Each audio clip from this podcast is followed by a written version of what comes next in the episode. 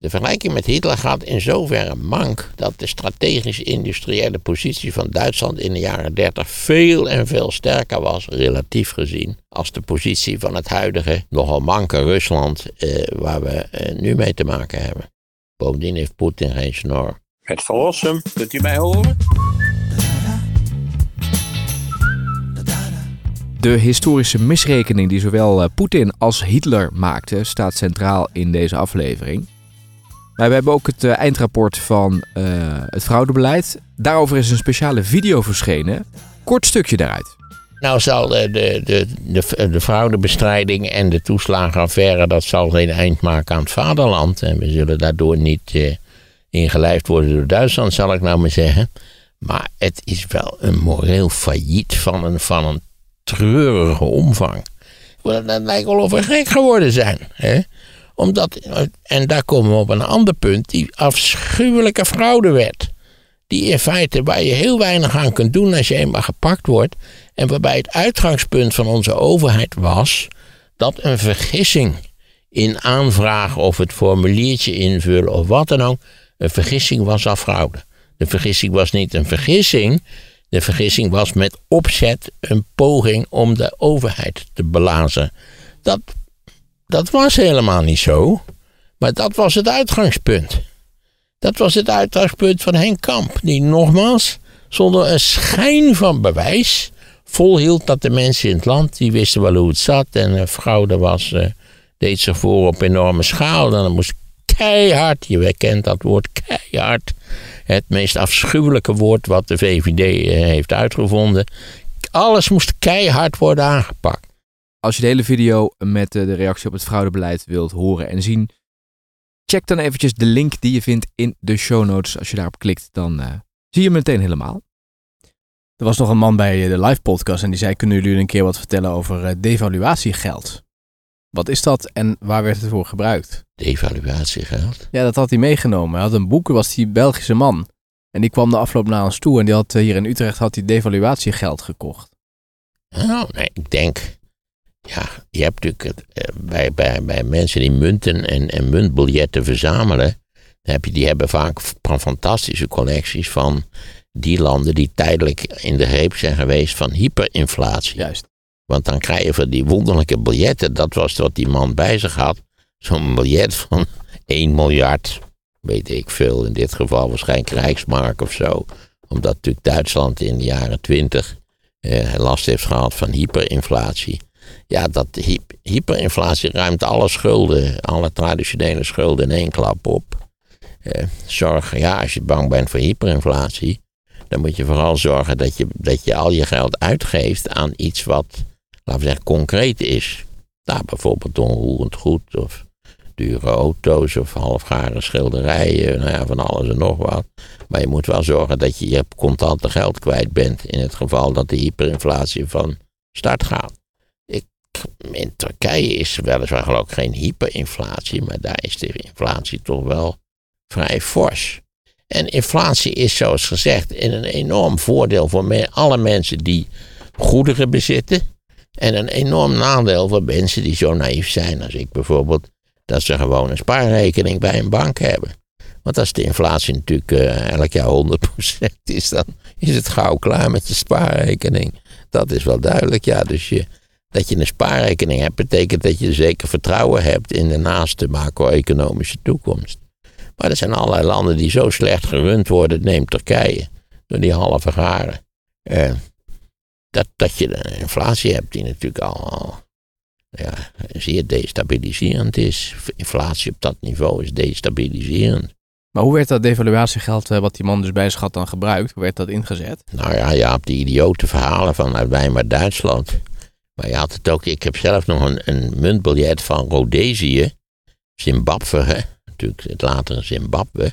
En dat is een miljard eh, Zimbabweaanse dollars of Zimbabweaanse ponden, ik weet niet precies. Ik kan het wel eens meebrengen. Ja, maar het heeft weinig zin dat ik het hier even aan jou laat zien.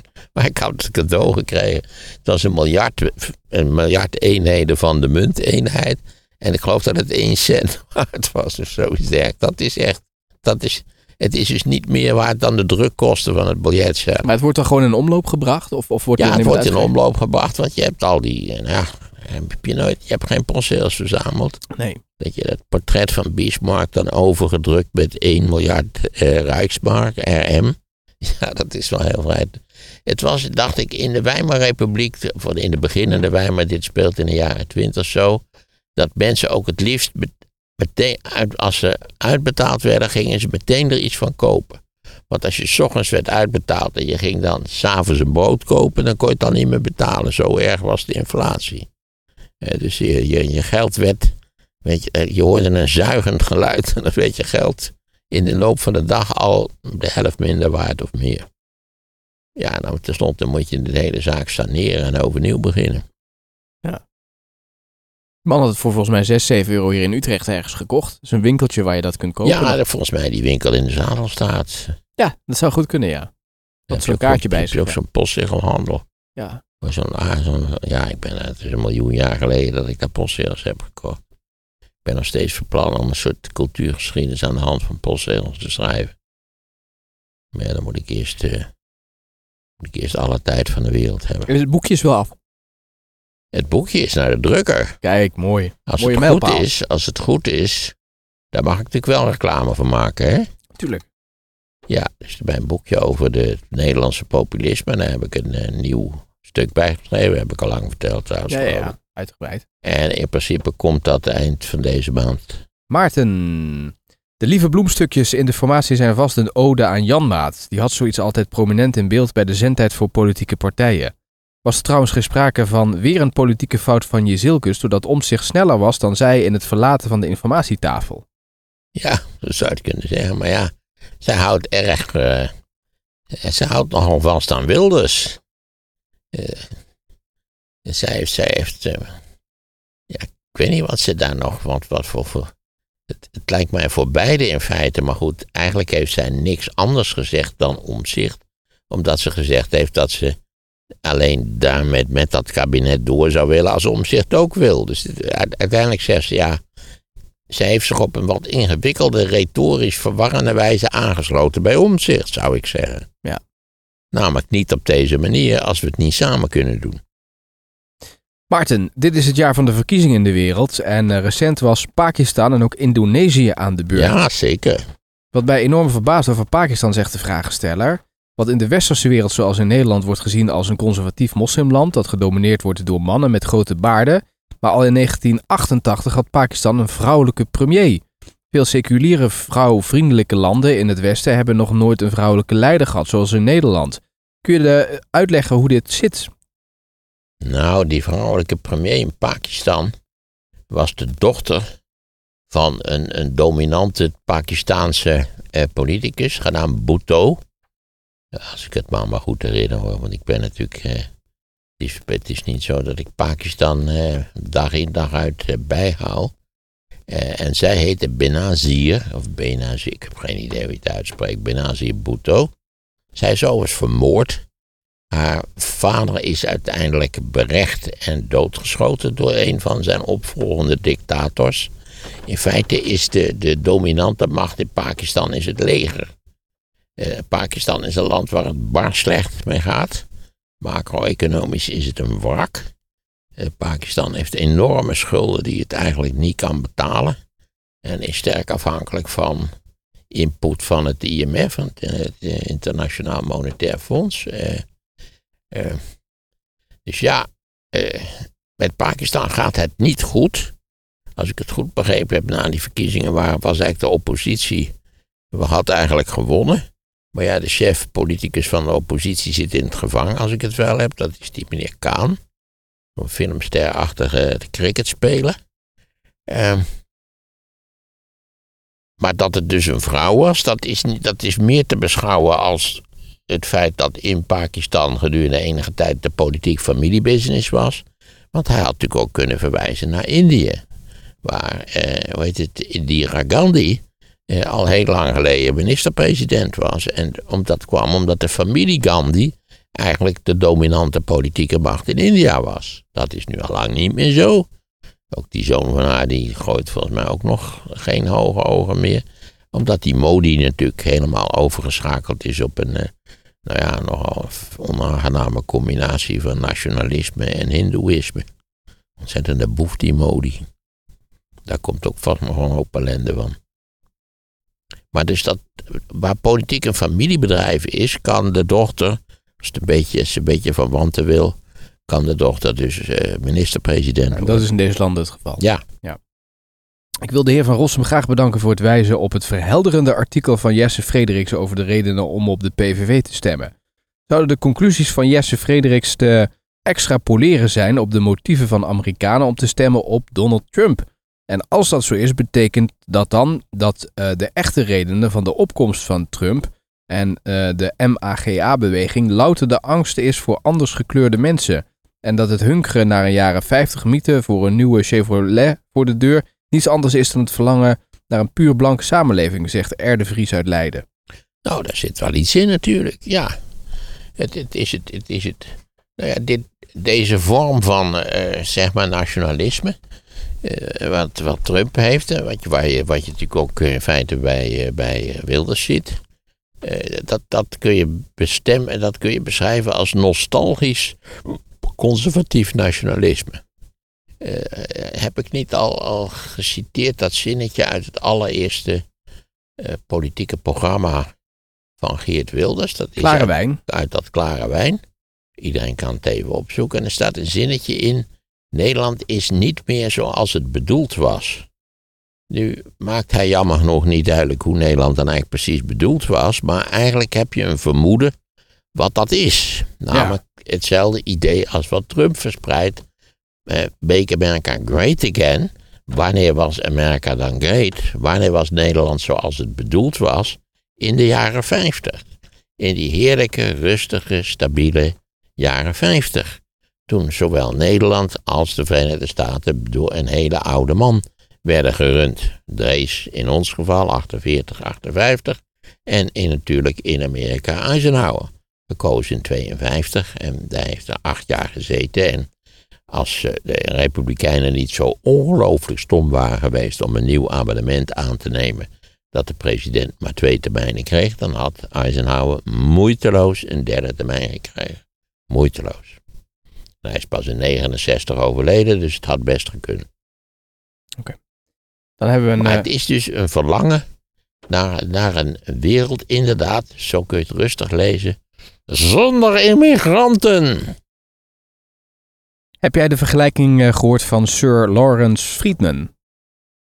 Nee, wat heeft hij gedaan? Hij heeft eh, gezegd, de historische, eh, of Britse historicus, hij spreekt van in ieder geval een vergelijking tussen de Russische president Poetin en Adolf Hitler. Hij zegt, zowel Poetin als eh, eh, Hitler hebben in ieder geval de tegenstander onderschat. Poetin, vermoedt Friedman, wist in februari 2022 eigenlijk niet goed waar hij aan begon. Het binnenvallen van Oekraïne was roekeloos en het land bezetten vrij kansloos. Ja, daar heeft hij rood gelijk in natuurlijk. In de coronaperiode hield hij zichzelf geïsoleerd. Hij consulteerde zijn eh, Oekraïne-experts nauwelijks. Hij las waarschijnlijk te veel geschiedenisboeken en overtuigde zichzelf dat Oekraïne uiteen zou vallen. Het idee dat Oekraïne een land is dat je zomaar even omverwerpt, leek Friedman nooit erg waarschijnlijk. Voor de oorlog was ik sceptisch dat Rusland dit zou proberen, want dat was me nooit duidelijk hoe je Oekraïne een langere tijd bezet Hier kunt heeft die houden. man eh, verder groot gelijk in. Hij haalt me de woorden uit de mond, zou ik zeggen. Omdat natuurlijk, ja, eh, de, de Russen hadden toen initieel, dacht ik, 200.000 man. Eh, de Oekraïne is even groot als Frankrijk, of zelfs een, een maatje groter. Dat weet ik niet helemaal uit mijn hoofd, maar het is van die of afmetingen. Ja, als je dat wil bezetten, dan heb je wel wat meer mensen nodig dan eh, de Russen daar klaar hadden Ja. staan.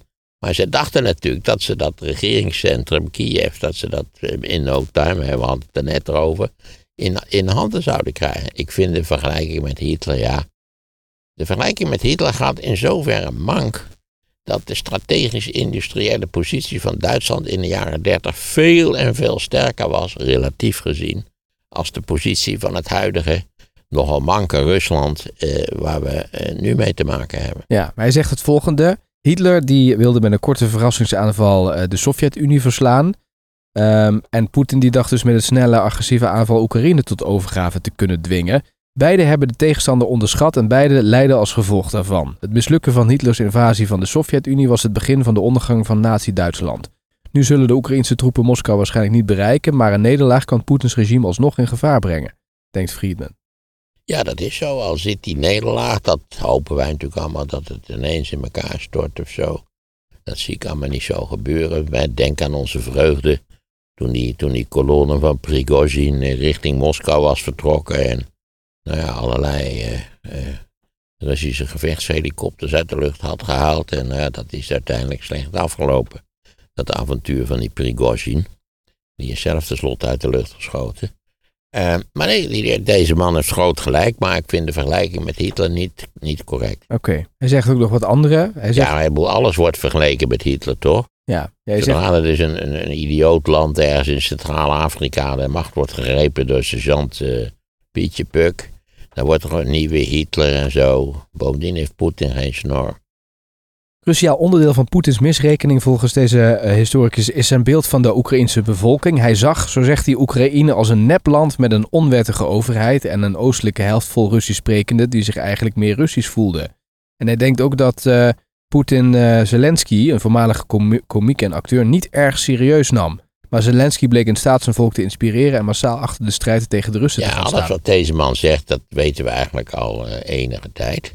Namelijk sinds februari, twee jaar geleden, weten we dat natuurlijk dat het zo is. Ja, dat hij zijn tegenstander enorm onderschat heeft. Ja.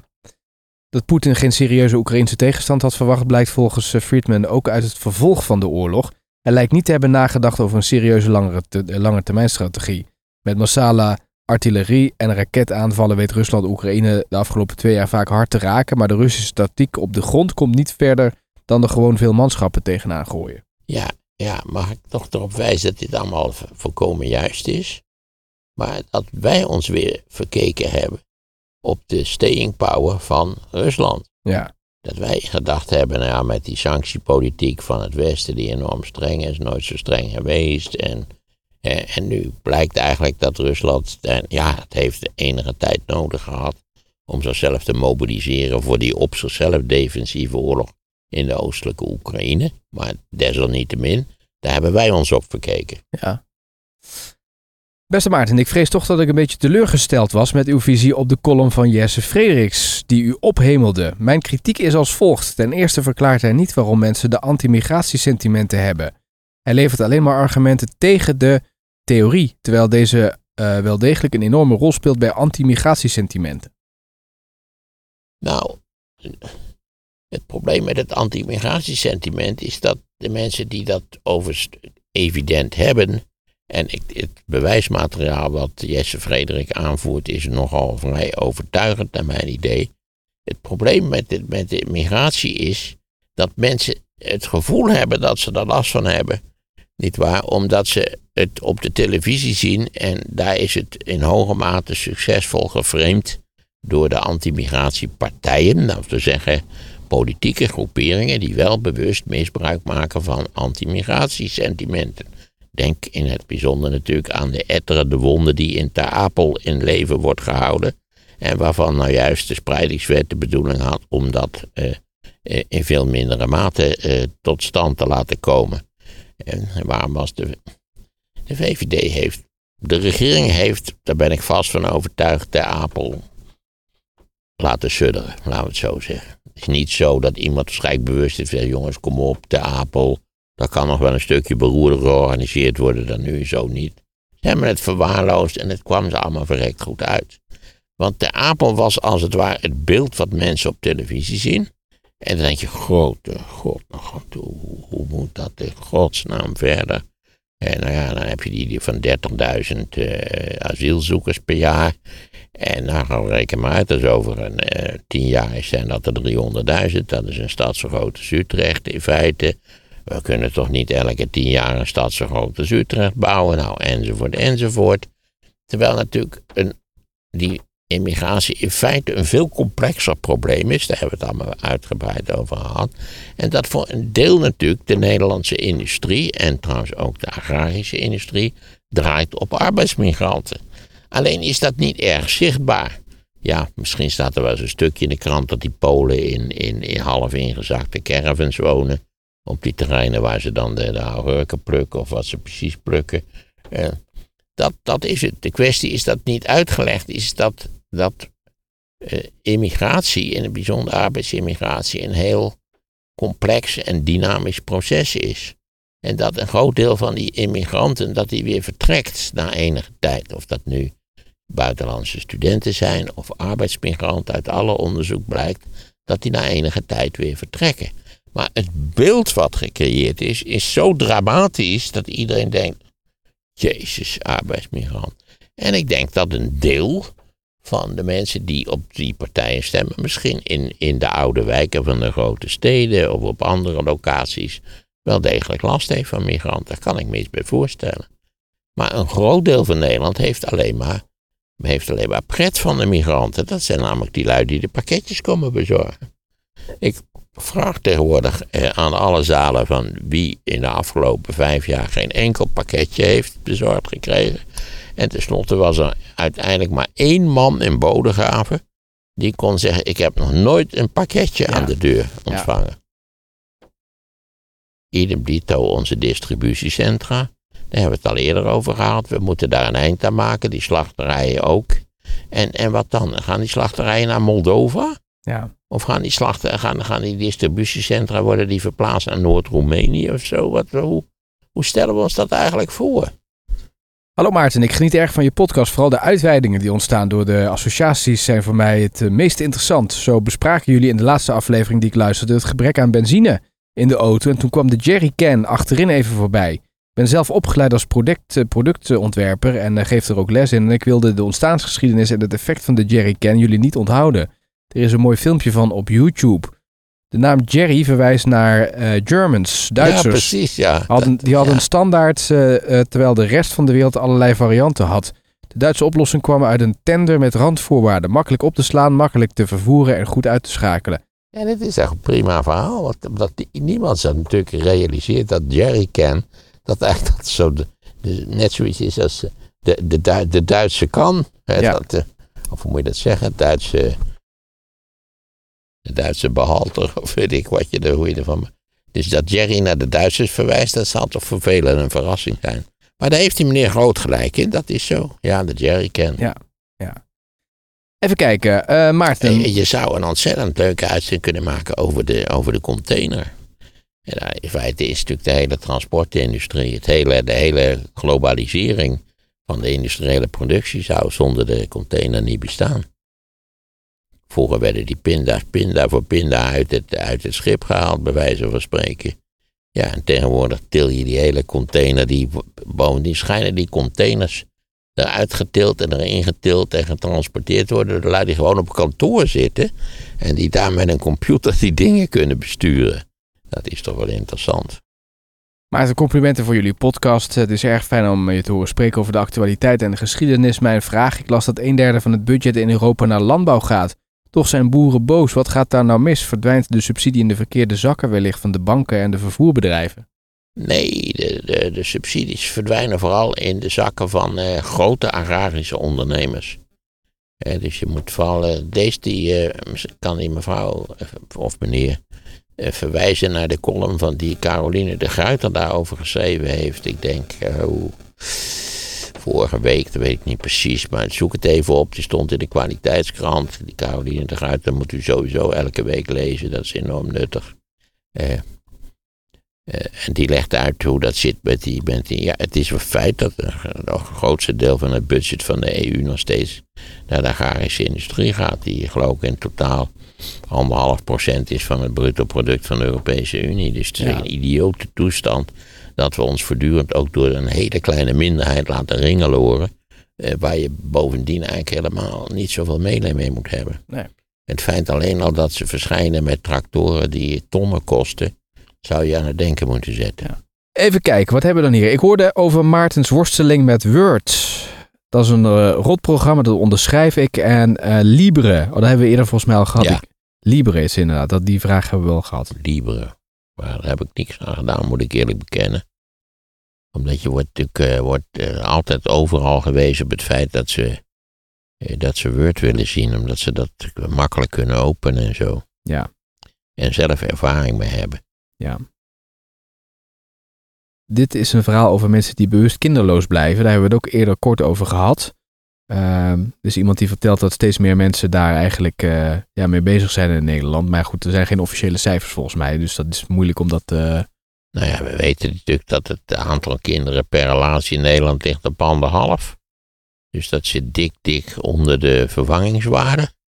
Dus ja, dat betekent dat de Nederlandse autochtone bevolking, als je het, daar zo, als je het zo wil formuleren, natuurlijk eh, op termijn eh, fors zal krimpen. Volgens mij krimpt het nu al en is alle accres in Nederland is het gevolg van immigratie.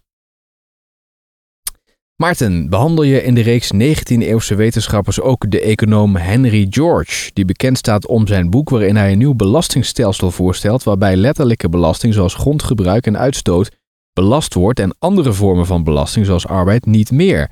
Dit voorkomt leegstand van gebouwen en leidt tot vergroening.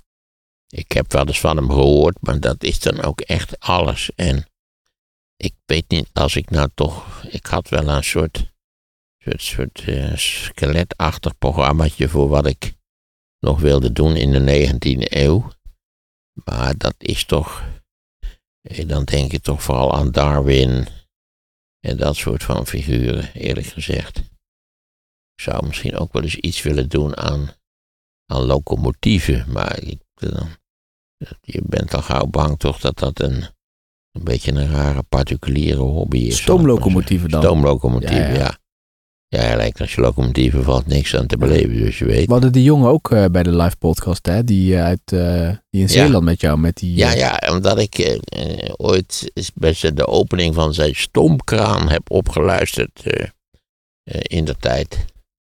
Eh, ja, dat was, ik was namelijk enorm verbaasd dat er in Nederland notabene na de Tweede Wereldoorlog nog twee stoomkranen gebouwd waren.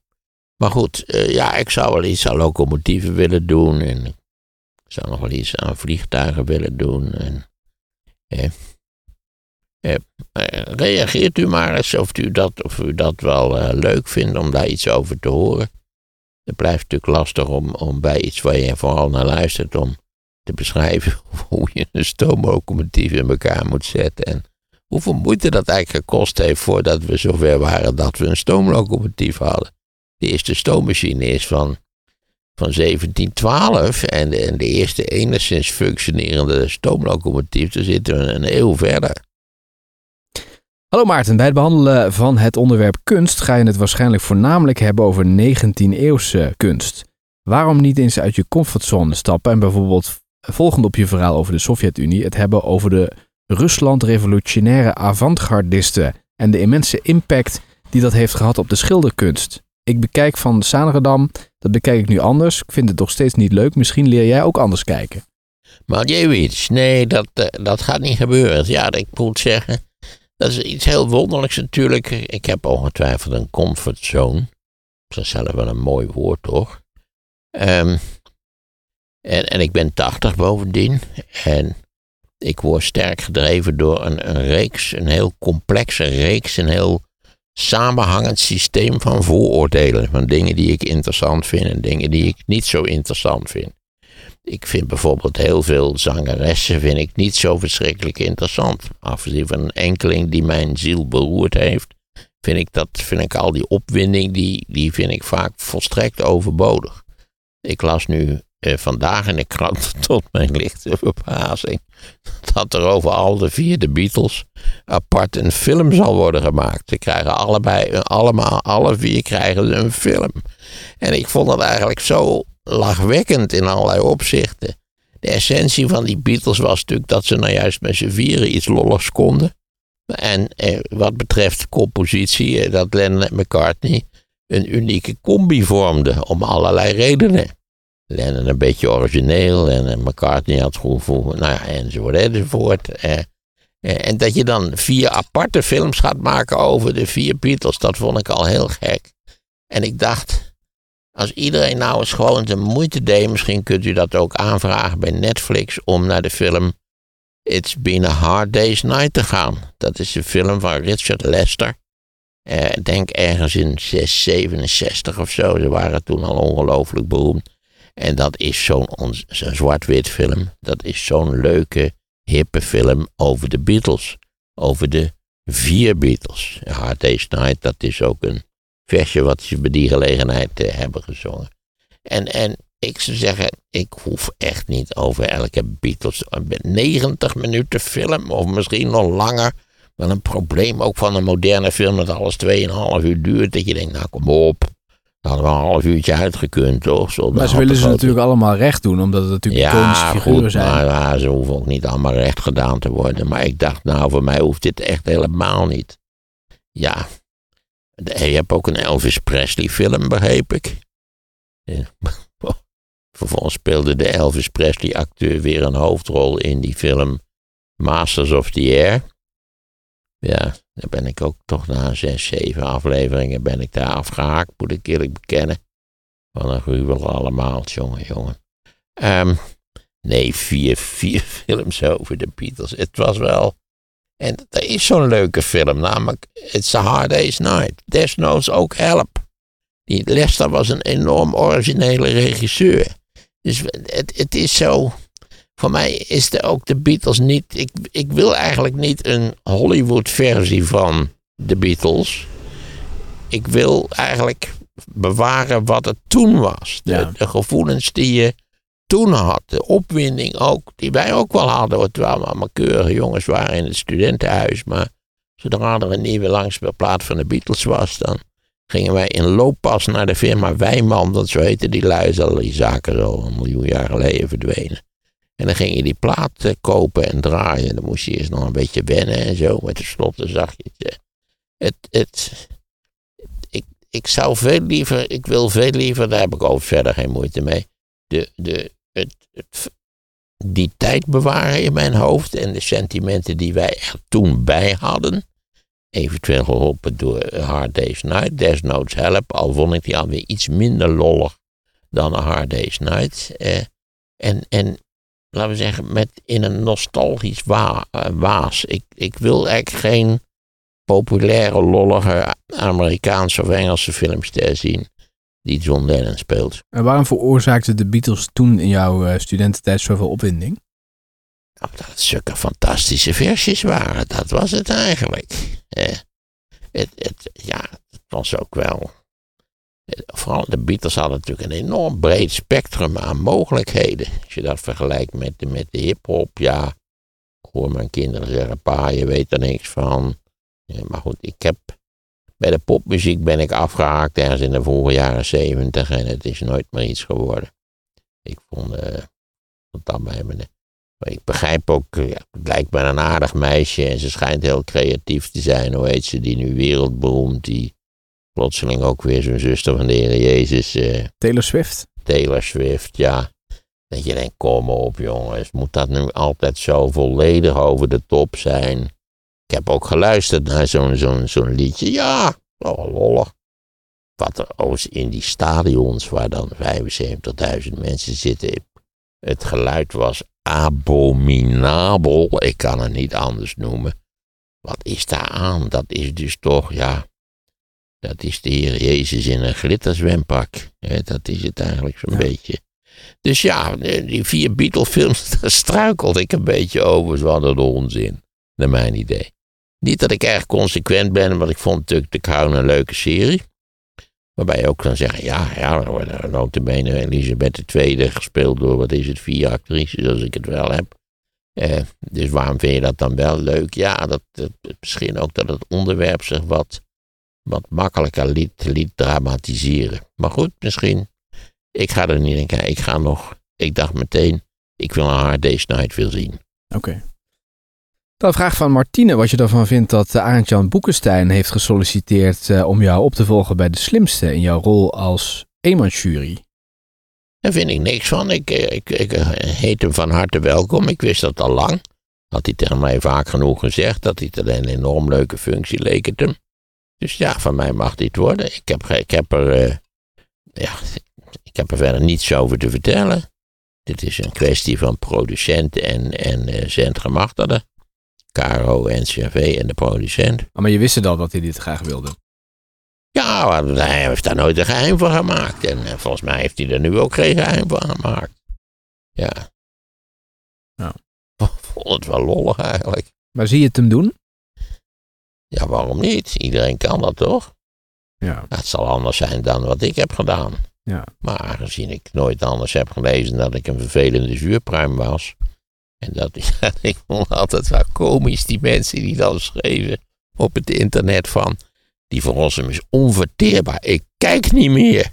Zo, hè? Zo van, nou, dat zullen ze merken. Ik kijk niet meer. En dan hadden er 2,3 miljoen mensen gekeken. Dat vond ik altijd wel amusant, eerlijk gezegd. Ik kijk niet meer. Tot zover deze aflevering. Mis niks en abonneer je op dit kanaal, want dan verschijnt de volgende aflevering vanzelf in je podcastfeed.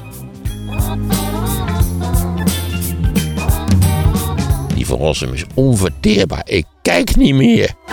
Zo, 9 november 89 wordt duidelijk dat het klaar is met de Sovjet-Unie. Luister nu de live podcast terug over Europa na de Tweede Wereldoorlog. Wat we toen natuurlijk niet, eigenlijk niet gezien hebben, is dat het niet onwaarschijnlijk was dat na een periode van verwarring, dat, dat zich in de voormalige Sovjet-Unie, zeg maar in de grootste republiek van de Sovjet-Unie, namelijk Rusland, een soort van revanchisme zou ontwikkelen. De link naar de twee uur durende live podcast vind je in de show notes. Poetin heeft ook wel eens gezegd, de grootste En waarom is het niet verstandig om je mobiel s'nachts op je nachtkastje te laten liggen? Dat vertelt Julian Jachterberg nu in de podcast Sea Level. Je luistert de aflevering via de link in de show notes.